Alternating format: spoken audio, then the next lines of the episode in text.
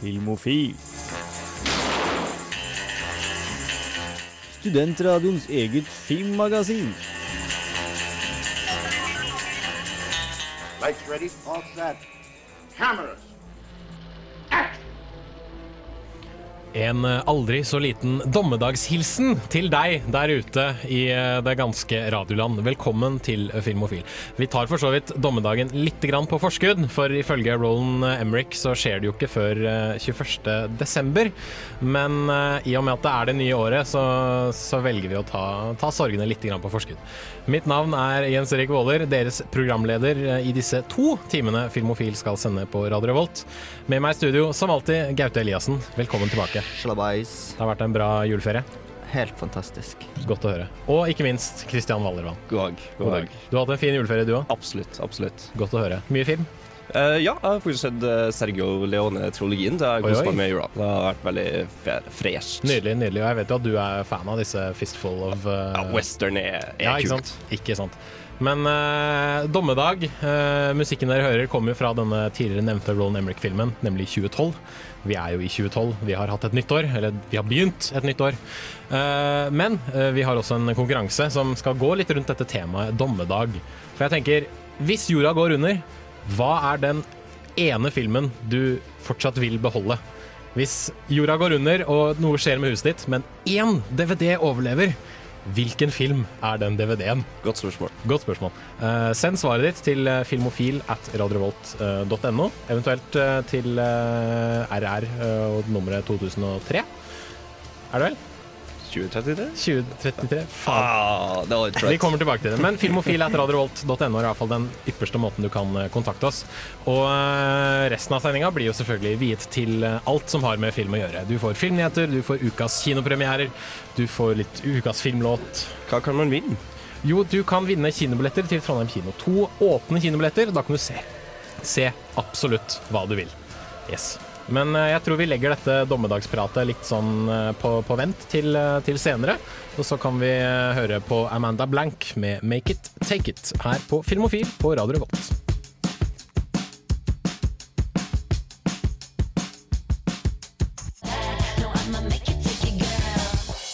Første låt ut i uh, Filmofil i det nye året. Første låt ut i første Filmofil i 2012, det hørtes veldig godt å si, var Amanda Blank med 'Make It Take It'. Og vi sparker i gang med litt uh, filmnyheter. Filmofil gir deg nyhender fra filmen og fjernsynets i spanende verden. Og for de av dere som er glad i uh, remakes av ting som kom på 80-tallet, så har jeg kanskje gode nyheter. Eh, for som seg hør og bør de siste, det siste tiåret, så er det på tide å ta en filmserie fra 80-tallet som var innbringende den gang, i hvert fall i starten. Og så skal vi puste litt liv i den, litt sånn krampaktig. Eh, For denne gangen så skal de gode gamle Politiskolen-filmene Jeg vet ikke om dere har noe særlig forhold til Politiskolen-filmer, eh, gutta? Jeg tror vi alle så de som små, eller? Ja. jeg gjorde det for det. Ja, men de blir jo Altså, de topper seg rundt treeren, tror jeg, og så blir de bare verre og verre og verre. Og siden syvende filmen så drar de til Moskva eller noe sånt. Uansett, Politiskolen-filmene skal komme tilbake på kinolerretet. Yay! Alle sammen, eller kun første? Én film skal i hvert fall komme, ja, så håper okay. de på at de skal utvide. Eh, en mann ved navn Scott Zabielski, nå uttaler jeg sikkert navnet feil, uh, som tidligere kun har gjort TV-greier, har fått den uh, ja, prestisjetunge i anførselstegn, eh, jobben å bringe litt sånn surrete politikadetter tilbake på kinolerretet. Jeg må si jeg er litt skeptisk, for din karen her har nemlig gjort Tosh.0 for de som skjedde. Det er et helt OK show, men Si meg ingenting. Nei, det er en kar som står foran en, eh, en grønt lerret og snakker om YouTube-filmer. Så hvor mye res regi det er der, jeg Nei. Ja, men dette var litt interessant, dette fant jeg på nettet. Han har faktisk gått på Politihøgskolen. Ja, stemmer. Så får vi da en mer realistisk Politiskolen-film? Er det det vi vil ha?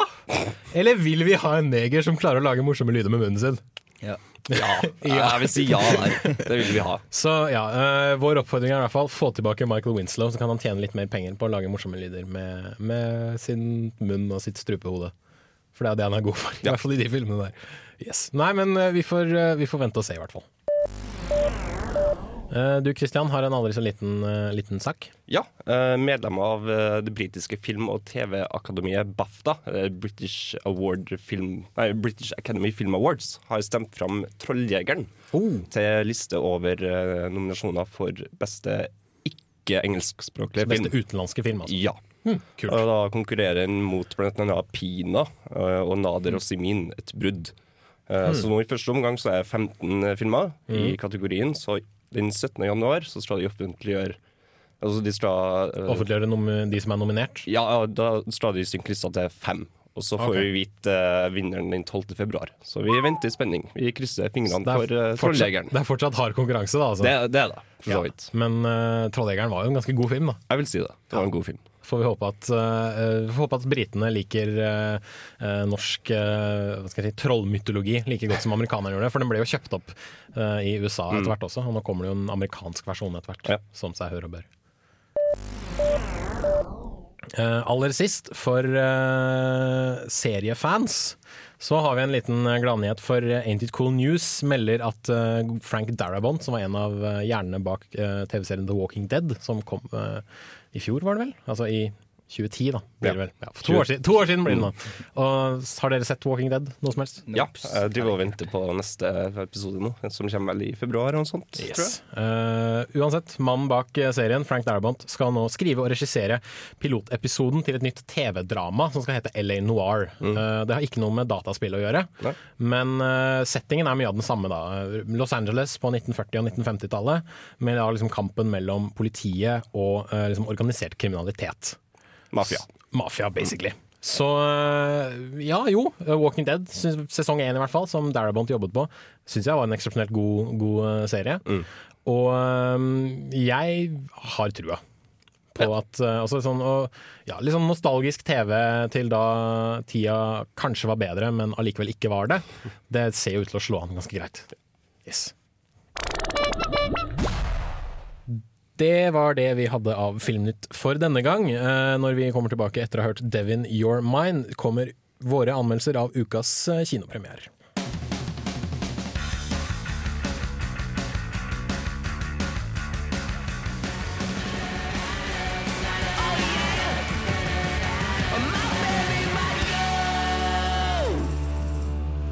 Takk til Devin der, You're Mine. Du hører på Filmofil på Radio Revolt, og vi kjører uh, i gang, vi, med ukas kinopremierer, som inkluderer filmene Shame Uh, The Darkest Hour. The Darkest Hour. Takk. Plutselig sto det helt stille for meg, altså. Uh, og ikke minst uh, My Week with Marilyn. Jeg var så heldig å få tilbringe halvannen time med en fyr som tilbrakte en uke med Marilyn Monroe, og resultatet, ja, det får dere høre her.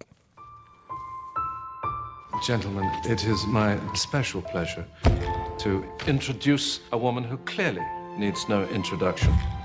A very great actress on her first trip to London.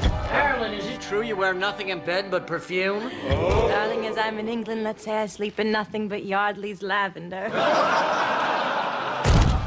My Week with Marilyn gir et kort innblikk i det som har vært et av Hollywoods mest turbulente liv. I en alder av 30 var Marilyn Monroe allerede i sitt tredje ekteskap avhengig av sovepiller og ytterst dedikert til method acting i alle sine roller.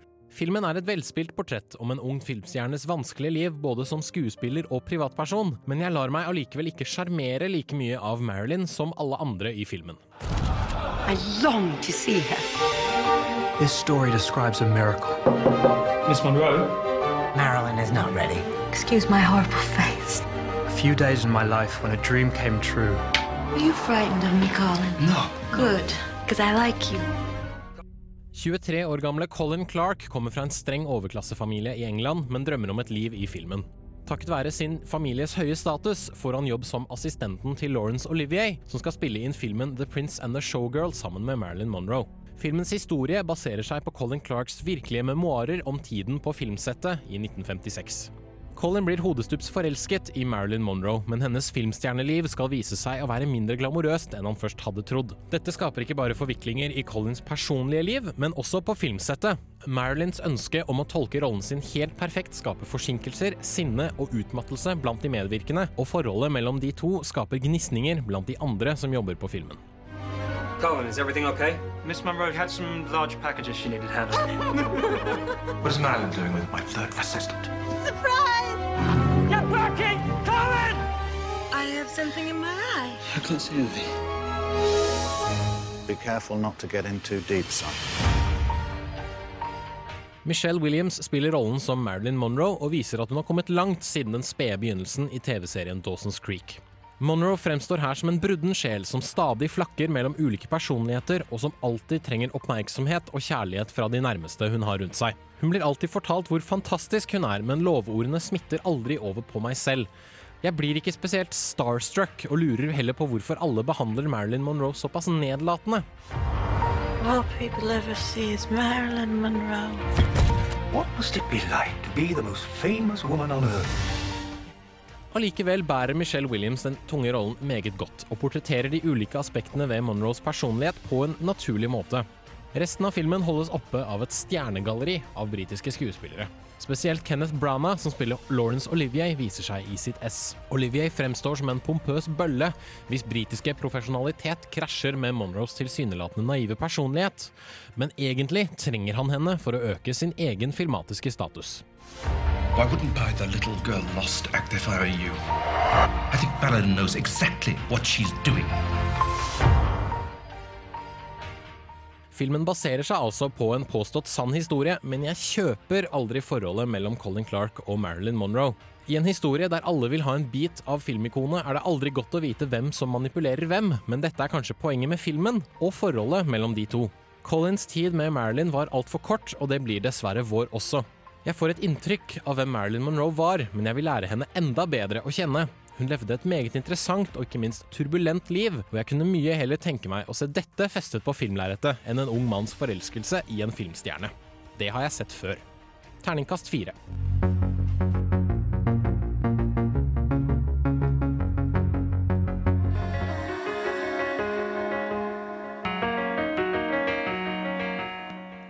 Grimes med Genesis her på Filmofil, hvor vi eh, fortsatt anmelder ukas eh, kinopremierer. Eh, I stad hørte dere min anmeldelse av My Week with Marilyn, som fikk en terningkast fire. Helt grei film å gå og se på kino, hvis du føler for det.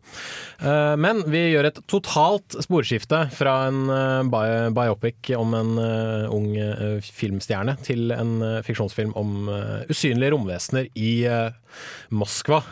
Gaute har tatt en kikk på sci-fi-filmen The Darkest Hour. Welcome to Moscow. Look at this place.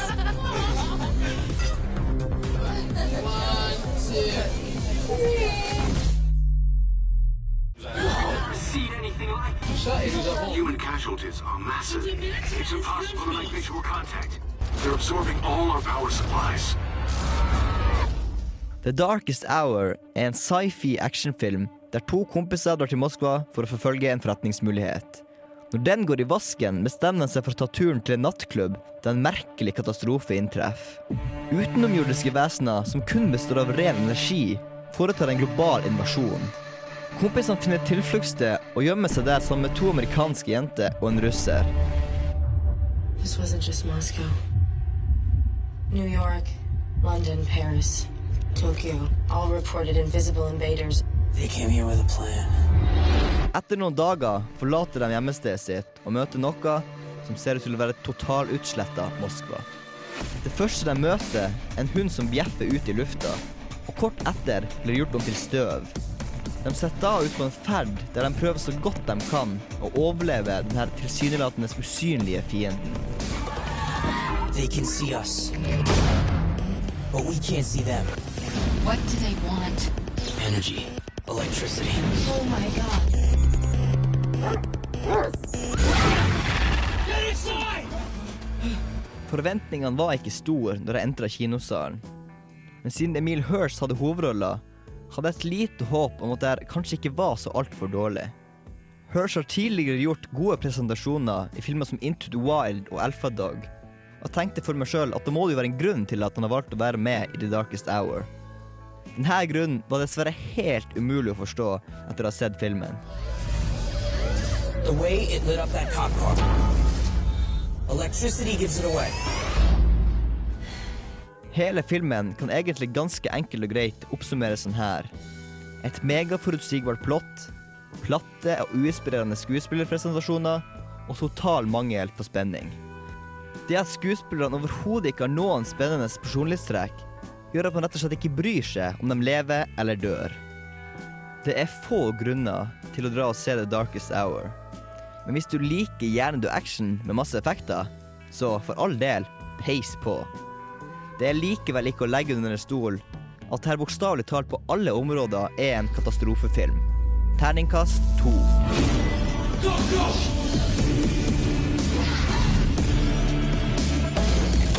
Can you fight the hell back?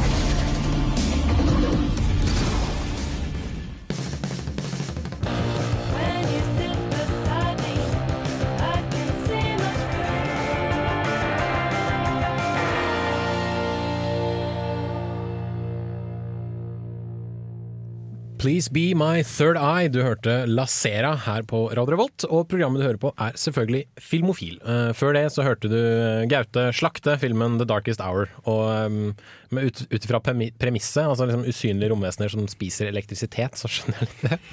er det noe mer du har lyst til å legge til, Gaute, før vi går videre? Legge til Nei, jeg vet ikke. At eh, når Nei, da blir det bare en spoiler. Jeg gidder ikke å spoile. Ok, Ingen, ingen spoilers i Nei, Filmofil? det er- ikke i nye filmer, i hvert fall. Nei, det. Nei, men uh, Hvis du vil ha en god uh, alien-invasjon-film, så anbefaler jeg uh, filmen Attack the Block, som er ute på Blu-ray og DVD nå. Bare gå på play.com, så finner du den der. Men fra romvesener til uh, sexavhengighet. Vi gjør enda en U-sving. Det er veldig mange av dem i dagens Filmofil. Uh, Christian har tatt en titt på filmen eh, Shame, som handler om akkurat det.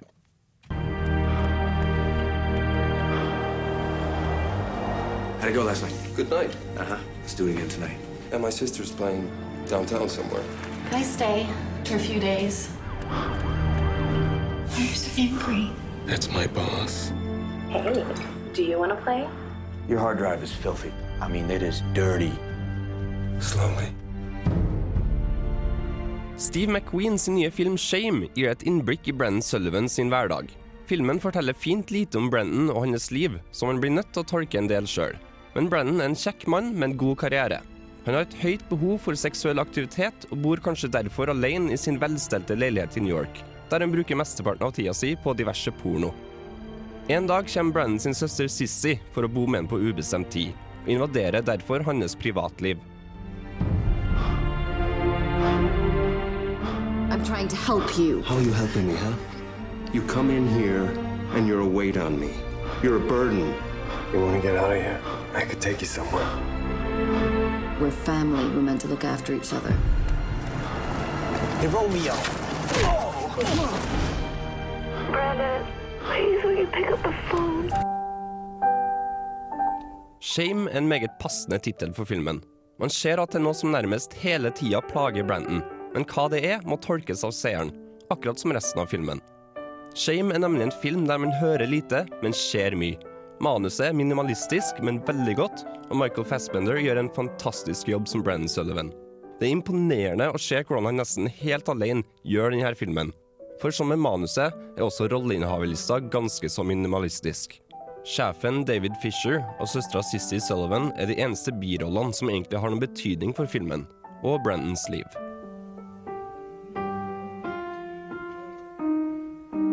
Lydbildet, kamerabruk og scenografien i Shame utgjør en veldig kunstnerisk film. Scenene var til tider lang og tung, men aldri kjedelig. Tvert imot så var de fangende. Shames kunstneriske preg gjør at det kanskje ikke er en film for alle og enhver, og den bør kanskje sees i det rette humøret. Det er vanskelig å si noe mer om Shame, men du vil forstå hva jeg mener når du ser filmen, for du bør se den. Jeg greier ikke å tenke på noe spesielt negativt med Steve McQueens nyeste film, men den føltes heller ikke ut som en femmer. Filmen gjorde et godt inntrykk på meg, og den var ikke lik noen annen film jeg har sett, og får derfor en sterk firer.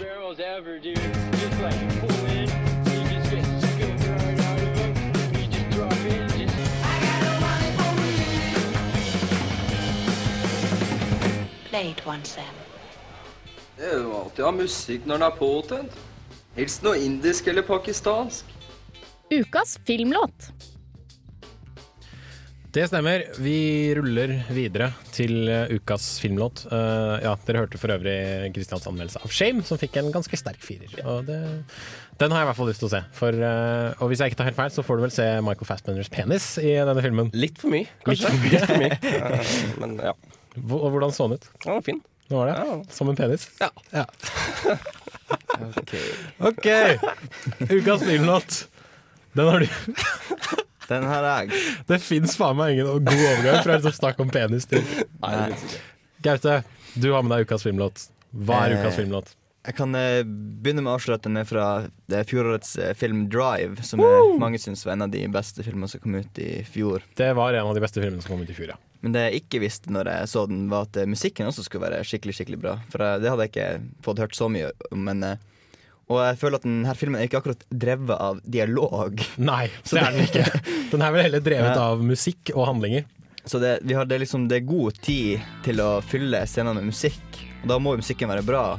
Og den preges av sånn 80-talls synthpop, som er veldig Som kult. passer veldig til stilen av filmen Passer også. veldig godt i stilen Mm. av filmen. Så vi skal altså høre introlåta, som er 'Nightfall'.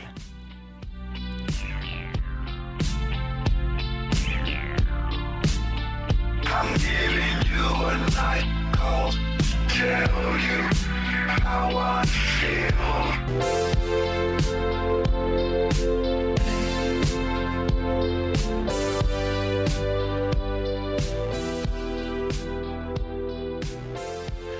Der hørte du Kavinsky med 'Night Call'. Gaute sa dessverre feil. Ja. 'Nightfall'. Eh, åpningslåta fra filmen Drive. Se filmen Drive! Sinnssykt kul film. Absolutt. Og Mm. et sinnssykt bra soundtrack, som jeg måtte skaffe meg med en gang jeg hadde sett filmen. For eh, ja, som nevnt, passer veldig godt til filmens stil og 80-talls uh, crime-drama, Michael Mann og alt mulig rart. Og uh, min anmeldelse av Drive finner du på radioholt.no slash filmofil. For eh, eh, hvis du ikke ennå er overbevist. Eh, men vi går fra kinofilm til videofilm. Nytt i videohylla.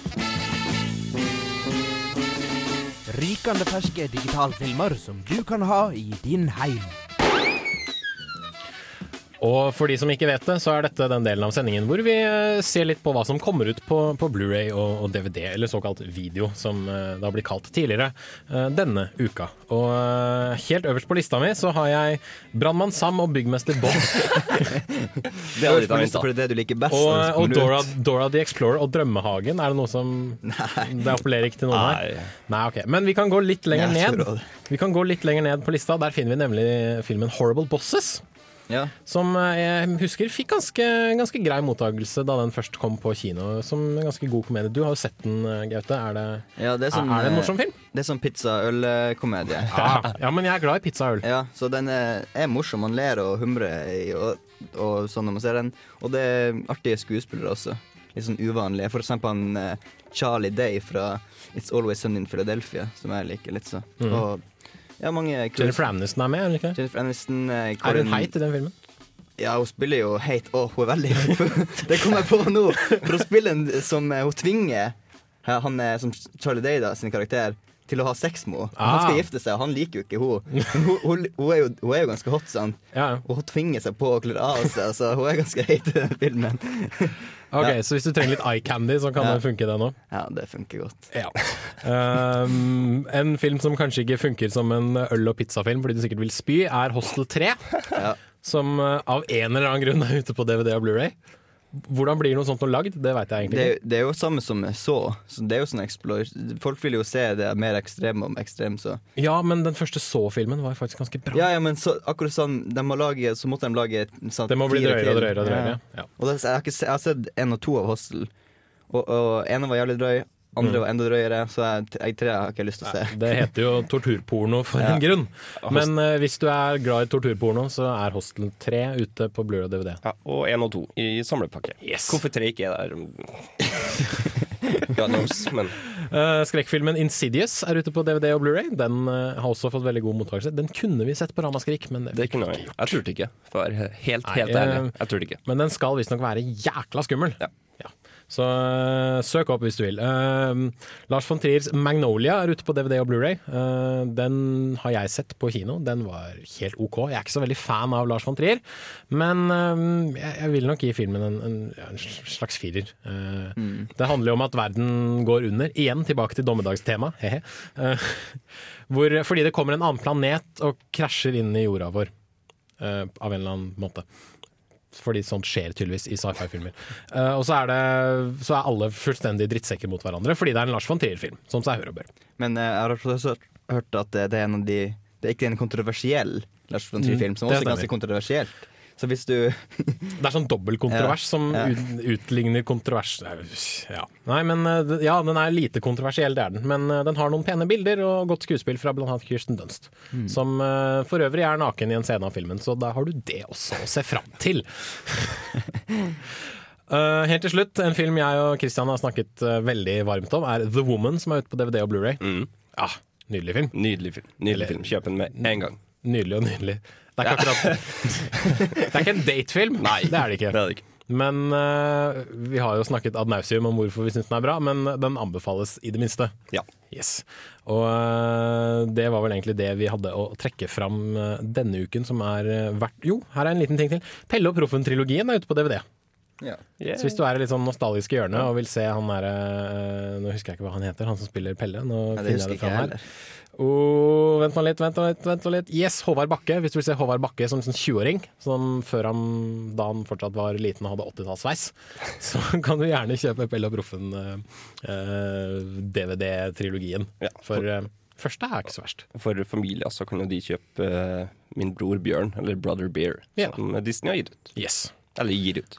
Gir ut. Da slår vi en aldri så liten strek for eh, DVD, video, Blu-ray-ting for denne gang. Og så eh, fortsetter vi med André Nicatina, Queen Heroin.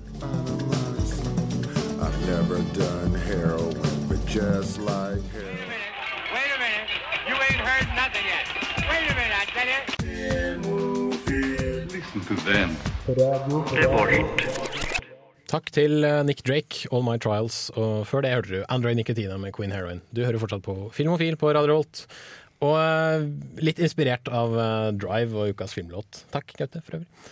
Så tenkte vi at vi kunne prate litt om filmsoundtracks. Lydspor på film. Filmmusikk. For det er utrolig mye bra filmmusikk der ute, syns jeg i hvert fall. Og ja, som nevnt, Drive hadde et utrolig bra soundtracks. Er det noen andre som har sånn øyeblikkelige gode soundtracks som de kommer på eh, eh, med en gang? Altså, eh, Tarantino vet jeg du er stor fan av, Christian. Ja. Og han er jo en mester til å velge riktige låter til riktige scener. Absolutt. absolutt Og så er han veldig flink til å finne litt sånn ukjente band som på en måte ikke, ikke alle har hørt om. Tenker du på disse japanske For eksempel. surferbertene i For Kill Bill? eksempel. Ja. Så nei, ja, som du sier, Quentin Tarantino generelt egentlig har veldig veldig mye bra musikk i sine filmer. Mm. Så. Mye forskjellig, men veldig lett gjenkjennelig likevel. Ja, øh, og han er jo aldri redd for å blande sammen øh, disse ulike tids, tidsperiodene heller. Han har jo en David Bowie-låt i, i Inglorious Inglourious Bastards, blant annet. Jeg tror det er David Bowie. Mye mulig. Jeg husker 'Putting Out Fire With Gasoline'. Vet du hva, Det det, skal jeg, det skal jeg sjekke opp.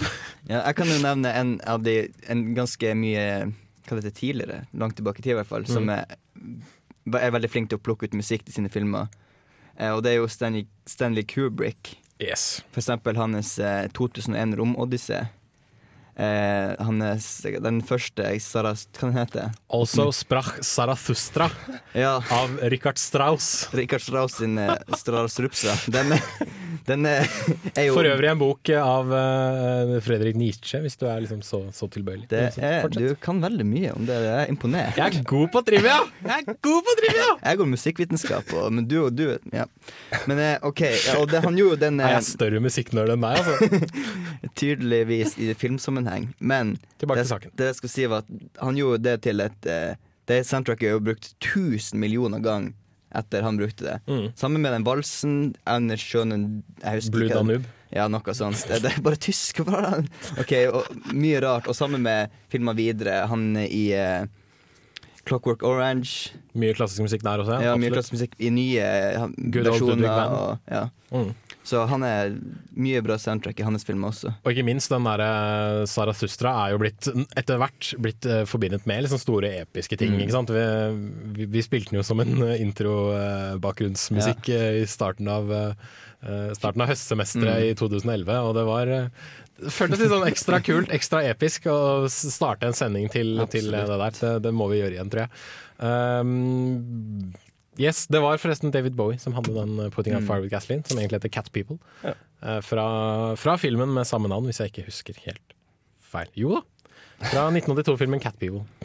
Du, du kan ikke mye trivia, du har bare Wikipedia foran deg. Hvis faks Wikipedia er min research, uh, researchvenn. Men uh, du nevnte også under låta uh, Tron. Ja, ehm, det er jo Daft Punk som har uh, Ja, du tenker på Tron Legacy? Ja, Trond Tron Legacy. Uh, jeg syns det er veldig kult soundtrack. Det, det er ikke veldig typisk uh, Daft Punk, men eh, jeg syns det er veldig, veldig kult. Du hadde fingeren oppe. Ja, jeg skulle bare ta sånn apropos David Bowie, fordi at han Han har spilt i mye filmer.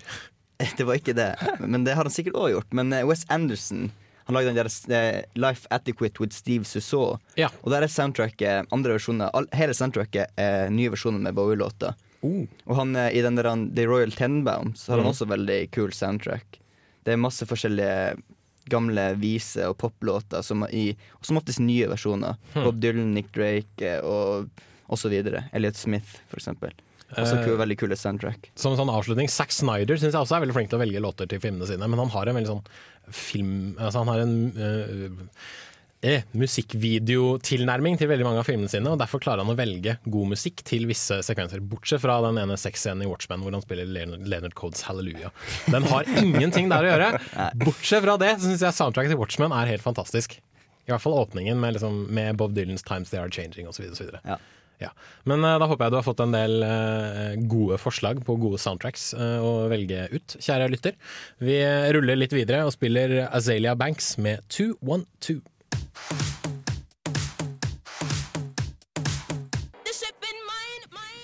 212 der altså, med Azalea Banks. Og den første timen av Filmofil går jo dessverre litt grann mot slutten. Men det gjør jo ingenting, fordi vi sender to timer. Det er kjempekult. eh, men det er en liten sånn hake ved denne totimersgreia vår. For eh, eh, ellers på døgnet, når Radio Volt ikke sender, så sender jo eh, disse eh, menneskene i Norea Mediemisjon, såkalt kristenradio. Eh, og de tar over vår frekvens når, nå når eh, Filmofil eh, går, første time av Filmofil går mot slutten, så klokka seks. Så kan det være at du hører kristenmusikk i stedet for Filmofil eh, på radioen din. Men det gjør jo egentlig ingenting, for hvis du går bort til eh, PC-en din, eller tar opp eh, smartphonen din, så kan du gå inn på radiorolt.no og bruke eh, streamen vi har der. Da er det vel bare å trykke på play-knappen helt øverst på banneret, ikke sant Christian? Ja. Ja. Og da skal det sprette opp noe helt automatisk, og så skal det bare begynne å spille av sendinga. For den andre timen til Filmofil kan du kun høre på nett, altså live, da. Eh, eventuelt så kan du høre den på podkast. Hvis du hører på oss på podkast akkurat nå, så hører du for så vidt på oss i framtiden. Nei, Og da er for... meta, jeg ikke. Jeg tror jeg sprengte hodet til Gaute. Uansett, hører du på oss på podkast eller på Stream on Demand i framtiden, så, så trenger du egentlig ikke gjøre noe som helst. Da er det bare å fortsette å høre. Så, så skal alt eh, ordne seg. Så tar vi oss av sånne ting, ikke sant. Og, Ja, ikke Nå, tenk nå på det. Greier du litt. nei. Gå på Radio Rolt og venner, trykk på play-knappen helt øverst der det står uh, 'stream' eller noe lignende, og så får du livestream. ja, da står liksom 'nå spilles' også. Ja, Ja. uansett. Eh, dere er sikkert flinke på sånn EDB og, og ITK og alle disse forkortelsene som jeg ikke kan, og sånne ting. Men bare sånn for å oppsummere kjapt den eh, første timen. Uh, Kinopremieren eh, My Week with Marilyn fikk en terningkast fire. Eh, verdt å se hvis du interesserer deg litt for eh, Marilyn Monroe og hennes liv og virke og alt mulig sånt. Og ikke minst vil se en masse britiske skuespillere kose seg. Alien-invasjonsfilmen fikk The Darkest Hour fikk en terningkast to. Gaute. Ja. ja, det fortjente den. Usynlige romvesener i Moskva ja. som spiser elektrisitet. Spiser elektrisitet. Bare smak på premisset, liksom. Så, men hvis det hadde vært en Blu-ray-DVD-greie Blu-ray hadde blitt bedre da. Nei, jeg vet ikke. Nei, jeg så Tror du den hadde blitt 3D bedre også. på sånn hjem... Og den var i 3D òg, ja. Ja, så det, jeg fikk liksom den optimale visuelle Drittopplevelsen. Ja. Så det, det hjalp ikke noe. Nei, det kan jeg skjønne. Men uh, Shame, Christian, den var ikke i 3D. Nei, den var ikke i 3D. Den handler om sexavhengighet. Blant annet. Ja, Men den var litt kunstnerisk også. Ja, veldig. Men uh, du ga den en sterk firer? En sterk firer. Og så vil jeg bare legge til at den har virkelig den beste flørtescenen jeg har sett noensinne. Ok Jeg, jeg, jeg vil ikke si så mye om den. Du, vil si, det- kan, det er du, bare du kan ikke gi et lite hint engang? Tog. Oho. Ja, ja.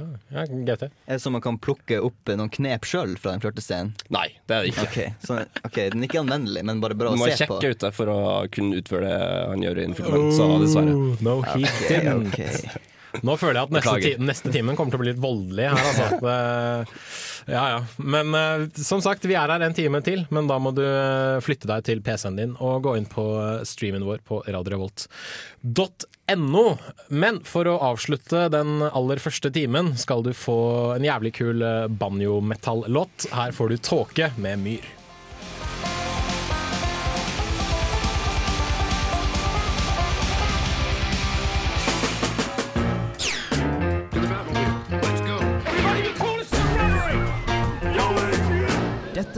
Filmofil.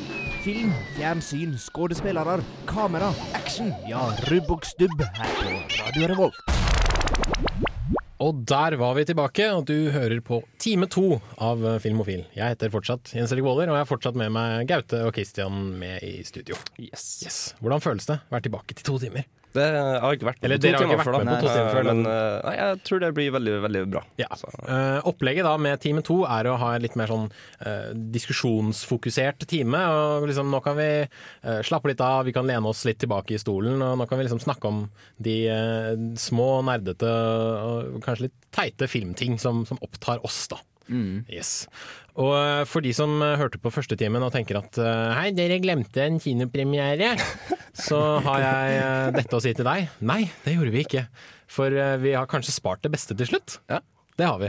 Fordi uh, den store, store Disney-klassikeren som jeg tror de fleste som er på vår alder, liksom rundt 20-årsalderen, har vokst opp med, 'Løvenes konge', er tilbake på kinolerretet. Ja. Og den er for så vidt i 3D. Ja, det er jo derfor den er tilbake. Det er derfor den er tilbake. og derfor tenkte jeg at vi i hvert fall kunne starte eh, liksom, Eller sette i gang med litt sånn diskusjon rundt 'Løvenes konge' og, og rundt uh, dette med 3D i film og sånt. For det har jo vært den store greia de siste par årene. Alle filmer skulle være i 3D, og filmer blir konvertert til 3D, blir spilt inn i 3D, og liksom er 3D kunstnerisk, er det ikke kunstnerisk osv. Jeg leste at en fjerdedel av alle filmer som går på kino i fjor, var i 3D. Så med andre ord, 3D har kanskje eller kanskje ikke kommet for å bli. Og jeg syntes det var litt sånn Altså, 'Løvenes konge'. Vi har jo alle sett 'Løvenes konge'. I hvert fall de fleste som forhåpentligvis hører på dette programmet, har sikkert sett 'Løvenes konge'. Så da var det kanskje ikke noe vits i å lage en standard anmeldelse. Derfor syns jeg det er bedre med litt sånn diskusjonsgreier. Men eh, jeg foreslår at vi kjører en aldri så liten eh, låt eh, først, og så tar vi graver oss ned i litt sånn 'Løvenes konge'-verden etterpå. Høres det greit ut? Det høres veldig bra. Yes. Her får du 120 Days, Osaka.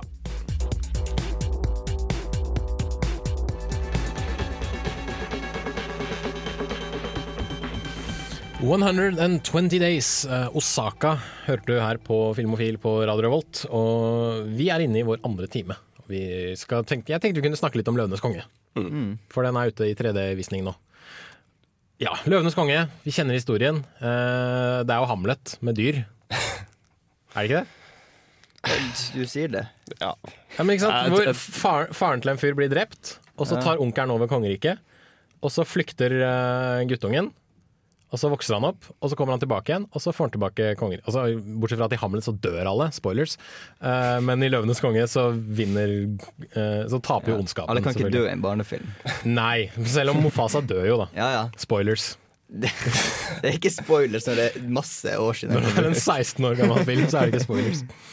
Nei, men uh, ja, 'Løvenes konge' er det fortsatt en fantastisk film. Ja, det er fortsatt en fantastisk film. Vi så den jo på norsk, så jeg har ikke sett den på engelsk. Det skulle jeg gjerne likt å gjort. Men hvis vi går til 3D-aspektet, da. Um, når filmen begynte, så tenkte jeg faktisk oi, det her kan jo bli en bra 3D-opplevelse. For det var liksom gresset i starten, et sånn sola går opp og gresset der- gresset det går mot deg. Fantastisk låt. Åh, jeg får gåsehud jeg bare tenker på det. Det var ikke poenget. da Poenget var at som, som de fleste 3D-filmer, så går den effekten bort. Bare i, løpet av liksom, et par minutter så legger jeg ikke merke til. Og det, det, det er en av mine problemer Nei, med men er ikke, det, er, ikke, er ikke det som er god 3D? Sånn i? Altså, jeg syns det er bedre med 3D som ikke er sånn oh, in your face hele tiden. Ja, men det er jo nettopp det det er. Det er jo in your face hele tida, og derfor legger du ikke merke til det. Altså jeg mener Det er mye bedre hvis det er 3D av og til, og du virkelig legger merke til det, i stedet for at teksten er i 3D, liksom alle karakterene er i 3D, og da du får ikke den 3D-effekten. da Men dette er jo heller med for å lage liksom, dybder i bildene, er det ikke det? Hva syns du, Gaute? Jeg syns det funka bra til tider det skulle funke bra. Det, jeg syns den effekten er størst når, når liksom man ser fra et perspektiv til f.eks. Simba når han springer inn i skogen etter han der han Rafa er, Rafiki. Rafiki. Også når eh, den Zulu, den fuglen, flyr, liksom. Sasu. Kommer det Ja, Sasu. Zulu. Zulu. ah. Når han- Zulu er fortsatt knytta til Afrika, da, så ja, jo. Når, det, når liksom den flyr mot deg, så, føler, så, hadde, så har liksom lyst til å ta ut handa. ta- Ja, det er liksom- det er nesten den derre, wow! Ja. Og så når ting er i lufta generelt, sånn sånn støv og sånn, da Mm. føles det liksom som det er rundt det. Det syns jeg er en kul effekt. Mm. Og det virka som de hadde gått inn og sprita opp bildene litt også, for det, alt ser jo utrolig Det ser liksom krystallklart ut. Absolutt, Mm. det gjør det. Og det er jo Det viser jo bare at det Disney holder på med nå, det er egentlig bare skit. Alt sammen. Det er rart, egentlig. Ja, Men sånn er det vel. De har kanskje gått tom for krutt i Disney. Kanskje det. Men vi, vi mangler jo den ene delen av eh, diskusjonen her òg. Vi har jo ikke sett den i to, da. så det er jo vanskelig å si liksom, Det er jo sånn. hvordan er det i forhold. Ja, og, og nå er jo min husk Altså min husk, ja. Mine minner, mine minner takk, om filmen Det er jo preget av nostalgi. For jeg digga jo den filmen da jeg var barn. Altså Jeg liker den jo fortsatt, men jeg hadde jo ikke sett den på sånn ti år da jeg Nei. så Nei. den uh, denne uka. Nei. Så jeg tror det er lurt å kanskje se den i, i 2D også, og kunne sammenligne. Eventuelt skaffe seg denne eh, Diamond Edition som nå er ute på, eh, på Blu-ray før den blir liksom pælma tilbake i Disney-hvelvet. Ja. For, eh, For det skjer. Det skjer, det liker jeg ikke helt med Disney. Det er sånn der, de sier at ja, nå slipper vi denne på Blu-ray og DVD, men etter to måneder så tar vi den tilbake igjen. Ja. Hvorfor? Ok, men Vi skjønner jo at Disney er glad i å tjene penger, i og med at uh, 'Løvenes konge' kommer ut, på, på, altså kommer ut igjen i 3D-visning. Men samtidig så viser de den også i 2D, så for de av dere som er veldig sånn 3D-hatere og ikke vil støtte i anførselstegn 3D-businessen ved film, så er det jo bare å løpe og se den. De gjør det på kino nå også? De viser Ja, 2D? de gjør visstnok det. Okay. Der, eh, trodde om, om det er eh, 2D-versjoner som vises her i Trondheim, det er jeg ikke sikker på. Men eh, jeg tror liksom rundt om i, i Oslo blant annet, så Mm. tror jeg den vises i 2D også. Ja, det, det er et annet problem med 3D-film på kino. i alle fall Det er ofte at man ikke har muligheten til å se filmen i 2D om man ønsker ja, det. det. det hender at du blir tvunget til det, rett og slett. Ja, og, og da blir det bare dumt. Altså 3D er helt greit på det private markedet hvis du vil ha en 3D-TV eller noe sånt. Helt greit, For da kan du velge om du vil kjøpe en 3D-film, men ofte på kino så har man rett og slett ikke valget. Nei. Det syns jeg er bugger, rett og slett. Ja, For du hater 3D? Eller Nei! eh, det blir kanskje litt sterkt å si, men eh, Du hater dårlig 3D?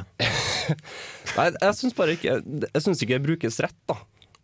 Rett og slett. men vi, er, hvordan- vi er kanskje litt uenige der. Men hvordan syns du det skal brukes? Jeg, jeg synes, sånn som jeg sa i stad, at eh, jeg syns det skal brukes litt mindre kanskje i løpet av en film. Mm. Og ikke at alt er i 3D, men enkelte ting, så at det har en større effekt. Tenker du sånn som i eh, altså, Da tenker jeg med en gang på Tron Legacy. For der var det sånn at da de var i den virkelige verden, så var alt i 2D. Men da de var i Tron-verden, ja, så var alt i 3D. Ja, jeg, lå egentlig ikke så veldig merke til det her heller. Bare satt og digga til musikken. Ja. Men 'Løvenes konge', i hvert fall. Fortsatt en fantastisk god film. Ja. Og funker godt i 3D. Ja, jeg var litt redd for at det var, så, jeg hadde også, det var sikkert ti år siden jeg også hadde sett den, så jeg var litt redd for at jeg skulle liksom at inntrykket ble svakere da. For jeg hadde så sterkt inntrykk av at å, det er en fantastisk film, men så har jeg ikke sett den, så jeg visste jo egentlig ikke det, for jeg var jo liten da jeg så den. Mm. Men eh, jeg oppdaga nye ting i humoren som jeg ikke forsto når jeg var mindre. Som gjorde den litt artigere igjen. Jeg husker ikke akkurat hva det var. Men Det var noen småting. jeg hadde veldig problemer med å ikke le ganske høyt når eh, Timon og Pumba synger om Pumbas fortid som et enslig Mm. vortesvin. Mm. Hvor de synger om det faktum at han Altså, ja, det er sånn toaletthumor, fordi de synger om at han Stinker. fiser såpass jævlig at ingen tør å være i nærheten av ham. Men faen heller, det var morsomt. Fisehumor er gøy. For Det var en av de tingene jeg var litt redd for. da At kan, Kanskje Timon og Pumba ikke er så morsomme som jeg husker. Mm. Men det syns jeg, kanskje- det syns jeg at de var. Ja. Selv med, selv med de norske stemmene. Og ikke minst, hvis det er en ting 'Løvenes konge' er et godt eksempel på, det er at norsk dubbing var bra før. Om det er det nå, det er jo det store spørsmålet. Men Jeg vet ikke om noen har sett Alvin og gjengen 3, men jeg har hørt at uh, den skal være helt jævlig på norsk. Med sånn Hvor du liksom graver med q-tips langt inn i øra for å få bort resten, resten av dem. og sånn. Uansett. Løvenes konge. Ja, Løvenes konge. Terningkast. Så er terningkast, da? Jeg gidder ikke gi terningkast til Løvenes konge. Jeg, synes, jeg gidder ikke det. Ikke? Den er dritbra. Ja, den er bra. Den er... Jeg skal vise den til ungene mine hvis det skjer en gang. Godt. Uh, det er jeg faktisk enig i. Nei, jeg er enig, jeg trenger ikke å gi noe terningkast. Men én ting kan vi i hvert fall si, at man bør se 'Løvenes konge' nå som den er på kino. Ja. For den er nok ikke på kino så veldig lenge, Nei. tror jeg. Av Disney og liksom, tjene penger og alt mulig sånt. Og da tjener jo Disney for så vidt enda mer penger. Eh, Men det kommer jo også 3D-versjoner av eh, andre Disney-filmer, blant annet eh, veldig mye Pixar-greier skal omgjøres til 3D. Og eh, disse Jeg vet at 'Skjønnheten og udyret' kommer i 3D-versjon. Så jeg tror at mange av disse klassiske Disney-filmene fra sånn 90-tallet, som liksom den Disney-renessansen, de ser ut til å komme tilbake i 3D-film. Og nå som vi har sett 'Løvenes konge' og vært ganske enige om at det funka der, er vi klar for resten? Vil vi ha Toy Story 1 i 3D? Vi kan ikke stoppe det, så det er bare å fyre løs. If you can't beat them, join them. Ja. Ja. Ja, nei, som du sa, så filmen så jo veldig bra ut. Mm. Det, det er ikke noe å legge skjul på, så ja. Hvorfor ikke? Kjør på. Ja. Kjør på. Da sier vi kjør på. ja, nei, men eh, vet du, enig. Løp og se 'Løvenes konge'. Det er en veldig veldig god film. Og eh, vi kan jo kanskje fortsette 3D-praten etter litt grann mer musikk. Her får du Fatboy Slim, 'Praise You', med musikkvideo. Hvis, hvis musikkvideo har blitt regissert av Spike Jones. Det er en veldig som- kul musikkvideo. Den bør ses. Spike Jones lagde for øvrig 'Where the Wild Things Are', som er en fantastisk god film. Som For øvrig. For øvrig.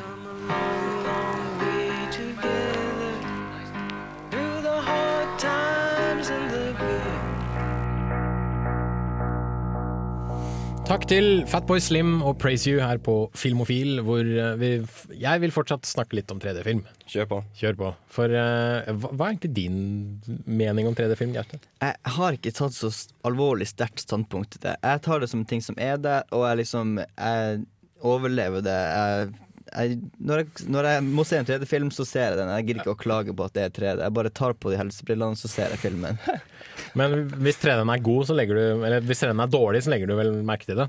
Det gjør jeg, fordi jeg så en film som heter Ola froskesnabb' fra Danmark. Og Den var visst i 3D, men jeg klarte ikke å Det så like jævlig ut det var som når jeg tok av bildene, som hadde på bildene. Det var det samme bildet? Nei, det var ikke det samme bildet. Det bare var så skurrete hvis du tar av 3D-brillene. Ja, ja. Så da, da var det faktisk en veldig irritasjonsmoment. Men da tror jeg de hadde fucka seg til der danskene med når de skulle lage 3D-en. Så, men, eh, så da irriterer det meg hvis det, hvis det går utover kvaliteten på bildene, at de blir dårligere. Da vil jeg selvfølgelig ikke ha det. For det er det veldig mange klager over, at eh, 3D-film, eller disse 3D-brillene, det gjør jo bildene på, på skjermen mye mørkere. Ja. Og Det var noe jeg merka i hvert fall da jeg så eh, Pirates of Caribbean, Pirates of the Caribbean 4. Som for øvrig var en skikkelig møkkafilm. Uh, men så tok jeg av meg brillene. Så jøss, nå ble jo ting mye lysere å se på. Mm. Uh, jeg merka for så vidt ikke noe av det i 'Løvenes konge', fordi de sikkert hadde skrudd opp lysstyrken eh, litt. Grann, men tror, ja, det er jo også en tegnefilm der fargene er veldig sterke fra Ja. før, men som Pirates of the Caribbean er, liksom, er litt mer mørk i, i stemninga og Vel, fin. veldig mye foregår om natta, og liksom, i, liksom inne i mørke jungler og inne i liksom katakomber og, og, og huler og hva verre er. Men uh, nå har vi jo hatt 3D-film i, hvert i snart tre år uh, etter Avatar kom, som liksom satte standpunktet. Og, og kommer det Har vi noen andre bra 3D-filmer enn Avatar? Ja, vi, det er jo Bortsett fra 'Lønnes konge' og Avatar. Ja, den der on The Cave of Nei. nei Cave var- of Forgotten Dreams. Ja, det var ikke den jeg skulle nevne, men det er jo en 3D-film, det også. det ikke Men den du så, den der han for ned i dypet det, Sanctum? Sanctum, Var ikke den også litt OK? Ikke filmen, men 3D. Ja, 3D-en Ja. ser altså disse, Når de har sånne svære sånne hulekatedraler og sånt, noe, Ja. det ser veldig bra ut. Men filmen i seg sjøl er ikke noe spesielt god. Nå snakker vi jo om selve 3D-effekten. Ja, men jo, men allikevel, da. Det, jeg gidder jo ikke se en drittfilm bare for å få en god 3D-effekt. Nei, det er sant. Det gidder jeg ikke. Yes, Men det virker som det kommer, eh, i hvert fall framover, litt mer sånn kunstneriske 3D-filmer. Du har denne dansefilmen 'Pina', som har gått på kino en god stund. um, som hadde veldig god kunstnerisk 3D, som jeg syns var god bruk av 3D for å skape liksom, dybder i bildene og alle disse fantastiske tingene som jeg alltid snakker om. Uh, så har du jo Martin Scorsese, som omfavnet uh, en av disse, disse store gutta som omfavnet 3D-film, uh, 'Hugo', som har fått veldig god mottakelse i um, USA i hvert fall. Den har jo ennå ikke kommet til Norge. Den kommer ikke før i mars, noe jeg syns er fryktelig irriterende. Og jeg krysser fingra for at den ikke dubbes, fordi det er en barnefilm. Eller en slags barnefilm, i hvert fall. Kommer vel i begge språk, vil jeg anta. Jeg håper det, i hvert fall. Eh, Men eh, en annen ting som også er bra med 3D, vil jeg tørre å påstå, er at visse regissører eh, Michael Bay, mest, sånn for det meste, må holde litt tilbake på liksom de mest sånn maniske filmskapningsteknikkene sine. Altså, Transformers 3 var en drittfilm som kasta bort tre timer av mitt liv. Varte den i tre timer? To timer og tre kvarter. Ja, det var nesten tre timer. Og, liksom, og, for å få, og det, det siste, den siste timen av filmen er ganske kul, men for å komme seg dit, så må du sitte gjennom 90 minutter av Shia LaBeouf som er sur på bilen sin, Shia LaBeouf som er sur på foreldra sine, Shia LaBeouf som er sur på dama si, som er sur på damas sjef, Uh, som er sur på presidenten, som er sur på samfunnet rundt seg og alt mulig annet skit. Men disse 3D-kameraene, fordi de er så digre, så kunne ikke Michael Bay riste så mye på dem eh, i løpet av innspillinga. Og fordi eh, 3D-effekten og hvordan øynene oppfatter den og sånt så kunne han ikke klippe så veldig fort. Da. Så det gjorde Transformers 3 rent filmteknisk bedre enn toeren. Men det hjelper ikke når innholdet er såpass bedrittent. Nei. Det er jo ganske grei ting å vite. Sorry, nerd. Uh, har dere noe annet eh, dere ønsker å si om 3D-film? Ikke 3D-film, men 3D som teknologi. Hvis du går litt bort ifra filmen, så for eksempel hvis du ser på Sony sine TV Nå er det liksom veldig nerdeprat her, Ja. eh, men da kan du eksempel spille PS3-spill med like stort bilde, og så slippe å ha det split screen. Har vi kryssa over med kontroll til eliten nå, eller? Ja, litt kanskje. Litt. Litt kanskje. Men begge får et helt skjermbilde. Men det kan jo også det en fin ting. Men tror du det er noe som kan brukes sånn at to stykker kan se på to forskjellige, forskjellige filmer sammen? For ikke sant, tenk deg, tenk deg det, ikke sant? Du sitter på sofaen, dama vil se en sånn teit romantisk komedie, sånn som New Year's Eve eller sånn Valentine's Day eller et eller annet sånt piss, og du vil se en eller annen kul actionfilm. Hvor bra hadde ikke det vært da å bare kjøre på liksom to Blu-ray samtidig, og så få liksom delt, delt skjerm? hvorfor ikke? Så får dama en teit eh, opplevelse, så får du en kul actionfilmopplevelse. Nei, det er jo Ja. kjedelig å sitte og se på to forskjellige filmer. Ja, men hvorfor, må, hvorfor skal du måtte lide deg gjennom en dårlig romantisk komedie bare fordi dama di vil se det? Nei, da får de en ny dame. Hvis, hvis hun skal tvinge meg til å se drittfilmer. sorry, sorry, jenta mi, du har for dårlig filmsmak. Så Så filmtips til dere filminteresserte der ute. Dump kjerringa hvis, Ja. hvis hun ikke har riktig filmsmak. Yes, vi uh, gamper oss litt videre. For uh, 2012, nytt filmår. Uh, nye filmer å se, og det er sikkert veldig mye vi gleder oss til. Men eh, før vi tar den uh, litt lange og innfløkte diskusjonen, så tenker jeg vi kjører litt mer musikk. Her får du uh, Melvins med Black Betty. Eh, en av de låtene som har blitt covra mest, tror jeg, av alle. Dolly Partons Jolene er vel på toppen. Men her får du Melvins Black Betty.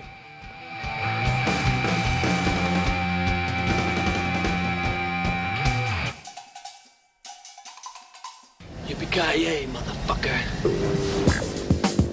Du lytter til Filmofil på Radio Revolt. Besøk oss gjerne på våre nettsider på radiorevolt.no.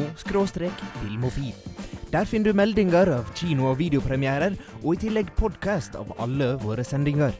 Har du ris eller ros, tips eller triks, kontakt oss gjerne på elektronisk post.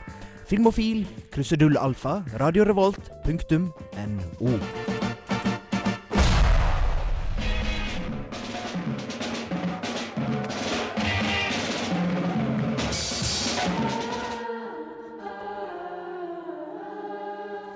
Doldrums, I'm homesick, sitting up, sitting up here in my satellite. Det kan jeg skjønne. Sitting up here in my satellite. Og det var Det var, Var det teksten? Nei, jeg vet nå ikke. For det hørtes ut som uh, melodien til Lemon Tree, ja. ja. ja. Men hvis du sitter alene oppe i en satellitt, så skjønner jeg at du blir litt, får litt hjemmengsel. Uh, før den låta så hørte du eh, Melvins med Blackberry. Du hører selvfølgelig fortsatt på Filmofil, og radiokanalen er som alltid Radio Revolt. Yes. 2012, eller 2012 Jeg liker å si 2012, jeg. Det høres litt bedre ut. Jeg kan si Um, 2001-2. Nei, 2012. The Deuce Dizzy. Nei? Jeg vet ikke. The Dirty Dozen. Anyway. Nytt filmår. Nye filmer. Mye å glede seg til. Ja. Ikke minst nå i januar og februar, fordi eh, den 26. februar er det den 84. Oscar-utdelinga. Så det vil si at alle Oscar, eh, type Oscar-filmer, sånn i anførselstegn, de må komme ut i Norge nå i januar-februar. Så det er veldig mye som er eh, Shame, blant annet, er en sånn eh, Oscar-snakkis. Det vil jeg tro. Ja, og det er veldig mye annet som, som denne Hugo som jeg nevnte tidligere. Den kommer ikke før i mars, men den er fortsatt en sånn Oscar-snakkis. Så er, nå er liksom nå er oppløpet da, til Oscar-utdelinga, i hvert fall i Norge av en eller annen merkelig grunn. Så nå må vi få tilbake alle disse filmene som ennå ikke har blitt vist. Uh, noen Oscar-filmer som er Oscar-snakkis-filmer er denne 'Gutten og delfinen', som handler om en delfin som mister halen sin, og så får han en noen mekanisk hale. Jeg kødder ikke. Okay. Ja. Muldvarpen, eller Tinker Taylor Soldier Spy, som uh, ble ganske greit mottatt av kritikere. J. Edgar, som har Mm. norgespremiere neste uke. Det er eh, sett på som Clint Eastwoods uh, årets altså Clint Eastwoods Oscar-film Mm. for 2011. og ja, utrolig mye forskjellige greier å ta. Men vi beveger oss litt bort fra Oscar-film og bare snakker om litt om ting som vi ønsker oss, Mm. uh, vi gleder oss til. Christian, vi starter med deg. Ja, altså Det er faktisk ikke sånn uh, veldig mange filmer jeg virkelig ser fram til. ikke? Nei. Det er, også, det, det er mange filmer som jeg er veldig spent på, og liksom, jeg gleder meg til å se dem. Mm. Men uh, av de jeg virkelig virkelig ser fram til, så er det selvfølgelig Dark Night Rises. Ja, det er jo for alle, tror jeg. Og det syns jeg er ganske spennende, fordi du er ikke så veldig glad i superheltfilm. Nei, men de er litt mer sånn litt mørkere enn eh, de her Spiderman og X-Men og Jeg vil tørre å påstå at OK, da, greit, jeg skal gi deg den, men Det er jo også det at Nolan eh, gjør Batman til en helt som faktisk kunne eksistert. Han skyter Ja. ikke lyn ut av tissen, liksom. Ja, men det har han aldri Det var gjort. ikke noen det, har, Nei, men det har han aldri gjort i tegneserien Hvis han hadde gjort det, så hadde det ikke vært realistisk. Sant? Eller, Nei, selvfølgelig ikke! Nei, du skjønner, superheltfilmer bruker jo å ha sånne rare ting som ikke går an å gjøre på ordentlig. Ja, Derav navnet superhelt. Ja, men- Det er en helt som er super. Ja, ja, han, Batman er bare fysisk sterk, flink til å slåss og har masse penger til å kjøpe godt utstyr. Ja. Ja. Så hvis du hadde vært like rik, så kunne du ha blitt Batman? Absolutt. si? Absolutt. Den uh, herlige stemmen. Trondheims Batman. I'm Batman. Ja, Yes. um, og så Django Unchained. Ja. Uh, forhåpentligvis så kommer den i år. Ja. Den, er- den er sakte å komme i desember, så vi håper på det. Ja, men eh, ja, vi får håpe det i hvert fall. Tarantino er jo ikke akkurat kjent for å gi ut filmer med sånn veldig kjapt Eller som, med korte mellomrom. Han er jo ikke en som gir ut en ny film hvert andre eller hvert eh, år. Nei. På ingen måte. Han tar seg god tid, men det viser jo resultater, da. Ja. Han er, jeg tror han er litt treg i skallen. Jeg har hørt rykter om at han er glad i litt sånn jazztobakk sånn, så det er sikkert derfor det tar litt tid mellom filmene. Jazztobakk og kvinnebein. Ja. Eller kvinneføtter. Så jeg syns egentlig han er rask nå, når han kommer ut med en ny film så tidlig. Det er ikke Det er så altså- lenge siden Inglorious Bastards kom ut. 2008. Åtte, ni, noe sånt. I den, Yeah. ja, det er ikke noe i det Quick Robin to Wikipedia. Ja, ok, men uh, Snakk blant dere selv. Nei da. Eh, noe mer, Christian? Uh, ja, altså jeg satt jo i går en, en god 2009 stund på, på filmweb og liksom så gjennom div-trailere og sånt. Det kom en del spennende ting. En som heter Project X, for eksempel, som handler om en, uh, en Det var nytt for meg. Ja, en ungdomsfest som går eh, veldig, veldig galt, i, sånn, ut ifra traileren i alle fall. Ja, Som ungdomsfester for øvrig som regel gjør. Det, det er vel det som skjer i The Darkest Hour også, er det ikke det? ungdomsfest! Nei, de altså, det, det starter jo med en fest, var det ikke det du sa i ja, anmeldelsen din? de, de drar på en klubb, ja. Ja, men Men så, så går de ut av klubben, så kommer det masse lys ned fra himmelen, og så begynner de å gjøre alle om til støv. Og så ja, kan jeg også nevne eh, This Means War. Eh, som er, handler om to CIA-agenter som krangler om samme dame. Altså en actionkomedie. Tom Hardy er faktisk blant annet med. Ah, jeg liker det jeg hører. Så ja, den ser jeg fram til. Ser, ser vi for oss da sånn, sånn spiongadget uh, Ja, altså, du, du- tok, du stjal dama mi i film? Altså I traileren så for eksempel at Tom Hardy tar og skyter den andre duden uh, med en sånn bedøvelsespil for å få han til å sove mens de er på en date. da Så det, Ah. det er litt sånn Men er det, en, er det en komedie? Ja, ja, det er en komedie. Så den, den så ganske morsom ut. Herlig. Du Gaute, har du noe Har, Ja, har, har du en liste foran deg? Sånn Jeg har en liten liste, men jeg gidder ikke å ta den filmen, for den tenker jeg du prater om. Men jeg skal bare nevne den eh, fantastiske regissøren Tommy Wirkola. Jævla dårlig han. Eh, ha- ja, Hansel and Gretel Witch ja, Han, er jo, han er jo blitt Hollywood-regissør. Det er derfor jeg nevner det. For det er ganske kult at, en, eh, en- at han er norsk og drar til Hollywood. Han er jo kjent for storfilmer som Kurt eh, Josef Wagler og Fjordheksa og Død snø. Og, Død snø er jo dritkul. Ja. Fjordheksa er pess, i hvert fall. Ja, har snø er litt bedre. Men uh, uansett, det er kult at han kommer ut i, med en film i Hollywood med relativt uh, kjente skuespillere. Og Hollywood har jo litt sånn eh, eventyrmani for Mm. tida. Altså, sånn, Trolljegeren har jo blitt kjøpt opp. Du har TV-serien Once Upon a Time som er Mm. ute akkurat nå. Um, og det kommer jo to filmer om Snøhvit, hvis jeg ikke tar helt feil. Åh, altså traileren til Snow White and the Huntsman. Den så skikkelig ræv ut. Med, Chris, med Christine Stewart som ja, Hun sug. suger. Sorry, ass, hun suger. Hun har ett blikk, der har vi diskutert før. Ja. Hun har ett blikk som er så her Hun forstår ikke helt hva som skjer. ja, hun, hun ser mildt forvirret ut, og så har hun alltid munnen åpen. Ja. Uh, hvis som hun har lyst til å suge kuk hele tida. Sorry, det blir mye penis her, men uh... Ja, Vi legger bort den penispraten. Vi trenger en kvinne i det her miljøet. ja, det, det gjør vi faktisk. Vi må balansere kjønnsforskjellene. Uh, var det det du hadde på plakaten? Jeg skulle nevne The Avengers. Ja. men jeg tenkte du er liksom litt mer pro å prate om den, så jeg gleder meg også til den. Ja, Du gjør det? Jeg gleder meg til den. Jeg Vet du tror hva, Det syns jeg er helt gøy. utrolig. Ja, ikke sant? Ja, For det er jo i hvert fall superhelter Ja. som absolutt ikke er realistiske i det hele tatt. Ja. Ja, Altså, det er sant. Ja, men Avengers uh, En supernerdfilm for supernerder, regissert av en supernerd. Det kan enten bli jævlig bra eller skikkelig dårlig. Og jeg håper at det blir jævlig bra. Eh, for, men det jeg er litt bekymra for, er at når du samler så mange store personligheter på en film Ja. sant? Robert Downey jr., du mm. har Mark Ruffalo som hulken, og han tar jo mye plass uh, uansett, for han er så diger. Eh, du har Chris Hemsworth som Thor. Thor har jo et fantastisk stort ego, som vi husker fra filmen. Um, Godeste eh, Captain America, eh, Chris Evans, eh, kommer sikkert til å prøve å bryske seg mot disse store gutta som står mot han også. Og jeg er litt redd for at noen kommer til å bli satt litt i skyggen. Eventuelt om det blir sånn egokamp, sånn mitt ego er større enn ditt, Ja. eller ja. Jeg føler at det kommer til å bli at det, I hvert fall Iron Man og Thor. Ja. At det blir mye gnisning der, for Ja. de er jo superegoistiske personligheter. Og ikke minst, du har dette med uh, teknologi på den ene siden mot Ja. magi på den andre siden, som kan liksom støte litt uh, på hverandre. Jeg tror det kan utvikle mye morsom humor, akkurat det. Mm. For Thor hadde jo god humor, den filmen. Absolutt. Og Robert Downey jr. er også god. Iron Man er også artig. Så, Og ikke minst uh, Joss Whedon, som regisserer filmen, har også hatt litt uh, å gjøre på manussida.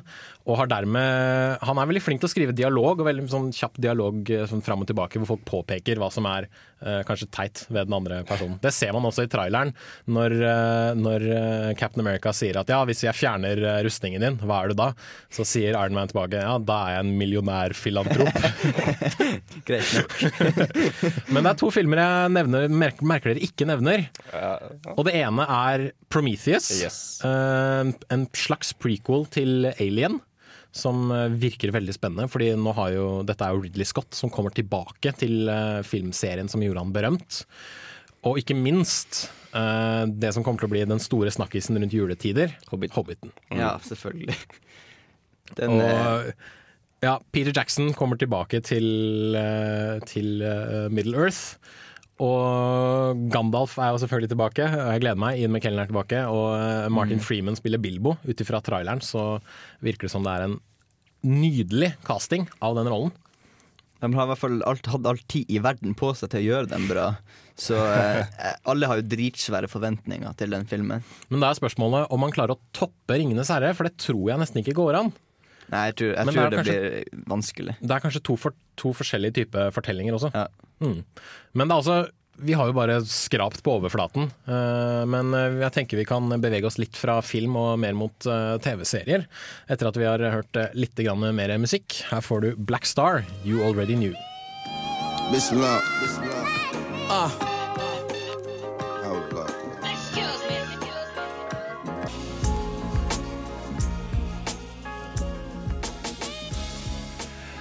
Der forsvinner Black Star med You Already Knew. Du hører fortsatt på Filmofil, som snakker om ting vi gleder oss til i filmens verden i løpet av 2012. Vi har skrapt litt på overflaten eh, sånn filmmessig, og vi kommer jo knapt i gang med en brøkdel av alle filmene som kommer ut. Men det får så være. Men eh, vi kan jo kanskje kravle litt videre til eh, TV-serier. Som eh, jeg vet eh, både jeg og, Det er et par ting som både jeg og Christian eh, gleder oss litt til. Du skal få lov til å sparke i gang ballet, Christian. Takk. Clash of Kings, eller kanskje bedre kjent som Game of Thrones. Jeg er litt usikker på hva egentlig skal kalle den andre sesongen. Om de kaller den Clash of Kings, som den andre boka i Song of Ice and Fire heter. Um, Jeg regner med at det blir Game of Thrones sesong to. Det, det er litt dumt å skifte navn på en så velkjent serie. Um, så- Men jeg vil støtte den, for jeg Altså, Game of Thrones var vel egentlig den beste TV-serien i hele 2011. Uten tvil. Uten tvil. Og det er utrolig hvor mye informasjon de klarer å stappe inn i bare ti episoder av den første sesongen. Og hvor mye alle pengene som har blitt kasta inn i serien, har blitt uh, vist på TV-skjermen. Og hvis de klarer å holde det nivået oppe, da går det ikke an å stoppe dem, holdt jeg på å si. Jeg jo eh, jeg holder på med andre boka nå. Jeg er ganske straks ferdig, så jeg kan, jeg kan si at den, det blir en utrolig bra sesong. Åh, jeg gleder meg. Uh, men uh, kommer de til å Altså, den andre sesongen ble jo annonsert etter to episoder av første Mm. sesong. Kommer det en tredje sesong? Ja, Uh, han som spiller Tywin Lannister, har bekrefta at han har blitt innkalt til Er det dvergen? Nei, det er faren deres. Å ja, han ja. Um, Han gamle karen? Ja. Han, eh, han har blitt kasta til å spille i sesong tre. Men HBO har ikke på bekrefta noe offisielt, da. Mm. Men altså De kan ikke stoppe på om sesong to og bare si ja, nå er vi ferdig. Nei, når det det skal er jeg bli sju bøker. Det er jeg absolutt enig i. Men eh, er det noe mer du eh, ser fram til uh, framover? Ja, jeg så jo Dexter sesong seks i fjor. Vi Vi avslutta med et smell. Den så jeg gleder meg virkelig til neste sesong der også. Så Dexter fortsetter, altså. Jeg, Ja. hørte den, jeg, hørte, jeg har hørt litt sånn der, eh, murmur om at uh, kvaliteten i de andre sesongene har vært litt sånn dodgy. Nei, jeg drev og leste litt rundt, og det er vel bekrefta i hvert fall sesong åtte. Og Oi, oi. jeg tror ni også, hvis jeg ikke husker helt feil. Hm, det høres veldig interessant ut. Jeg har ikke kommet lenger til, i Dexter enn opp til sesong fem. Den ligger hjemme i DVD-spilleren, så jeg skal kjøre i gang eh, etter hvert når jeg har tid. Det er veldig bra. Uh, noe mer? Noe, er det noe nytt du ser fram til, som Nei. ikke er en sånn oppfølgersesong? Jeg kom over en serie som eh, jeg gleda meg til, men så fant jeg ut at den eh, gikk jo i fjor. Og det var en serie som heter Terranova. Ja. Så litt feil der, da. Nei, Den har jo gått på, eh, på eh, TV Norge, tror jeg. Ja, en av vet ikke, en eller annen kanalen har gått på norske TV i hvert fall. Eh, Gaute? Jeg kom faktisk på en ting som jeg gleder meg litt til. Og Den skulle begynne, egentlig begynne snart. Det er en norsk serie Oi, som oi. heter Lillyhammer. Ja! Jeg vet ikke om dere har hørt noe om den. Fordi at Den skulle begynne om ikke altfor lenge, men så var det noe eh, krangel om produktplassering Ja. innad i serien. Og den filmen handler jo om eh, en, det, han, Den som spiller hovedrollen, er i hvert fall han eh, Little Steven. Little Steven, gitaristen til Bruce Springsteen, som også spiller i Sopranos. Ja. Og eh, han kommer til Lillehammer. Jeg vet ikke helt hva han skal gjøre, men for, derfor heter den Lillehammer. Da. Det er liksom engelsk uttale. Mm. Og det blir sånn det er sånn gangster i Lillehammer. Gangster i Norge, ja. Det kan bli kult, og den har blant annet Steinar Sagen med. Ikke at han er noen stor skuespiller, men eh, han er, det er, liksom Han er morsom, det- han er morsom. Ja. Så, og jeg har sett litt sånn klipp og det. Jeg tror det blir kult, så jeg håper ikke de holder på med en krangel altfor lenge, sånn at vi får sett det her i Norge. For det er jo NRK-produksjon, som betyr at vi får se det gratis. Det stemmer. Mm. Og eh, ikke minst, eh, vi får håpe at de klarer å løse disse produktplasseringsgreiene. Jeg husker Steinar Sagen skrev på Twitter annet at eh, det var noe det var en spøk, selvfølgelig, men da denne, kom, da denne saken var oppe, så skrev han det at så det var derfor jeg måtte holde en pose med peanøtter i hver eneste scene jeg var med i. Anyway. Rent personlig så er det også en HBO-serie jeg ser veldig godt fram til. For David Milch, mannen som skrev, eller gjorde Deadwood til et faktum, og skrev eh, store deler av første, andre og tredje sesong, kommer nå med en ny serie som handler om hesteveddeløp. Og det høres kanskje ikke Ja, det høres ikke spesielt interessant ut, men Deadwood handlet jo bare om hvordan en by blir til, eller en by eh, i USA blir til.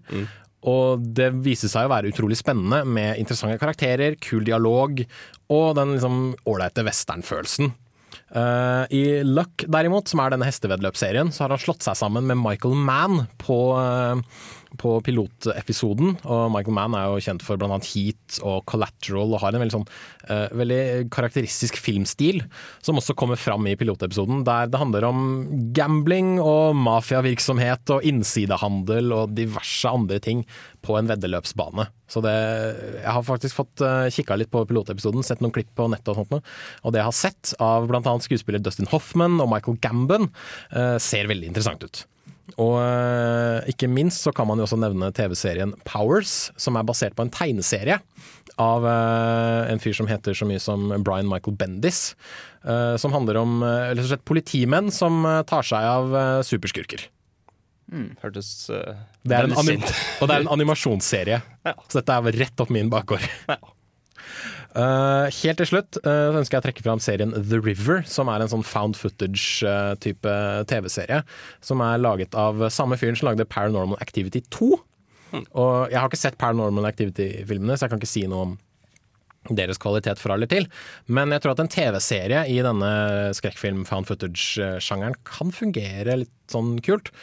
Men da vet man Man må jo til slutt vite Eller man, det må jo komme fram til det at personene skal dø helt på slutten, for ellers er det jo ikke found footage. Da er det jo delivered footage, kanskje. Hva tror dere? Høres det spennende ut? Jeg har hørt Ja. mye sånn oppprat om at det er mange som gleder seg til, eh, til den serien, så det blir jo noe interessant å følge med på, siden det, den har fått så mye blest allerede. Mm. på en måte. Så eh, der har du litt eh, prat om eh, TV-serier som vi gleder oss til. Og igjen, vi har sikkert bare skrapt Ja. overflaten, for det er jo så utrolig mye som kommer. Kan jo nevne eh, Hell on Wheels, som jeg tror har begynt på norske TV-skjermer. Uh, Alcatraz, nye serien til JJ Abrams, eh, kommer jo ut. Det er en TV-serie med godeste Keefer Sutherland som heter Touch, som kommer ut i løpet av 2012. Eh, en serie som heter Awake med Jason Isaacs, hvor han lever i to ulike tidsperioder. Det er Ja, ikke jeg har måte på. Hørt, hørt om den Hvis du liker Inception, kommer du til å like den serien. Vi slår en strek der og hører eh, Bastard Geist med Winter Fog når Filmofil dessverre går mot slutten for denne første sendingen i 2012.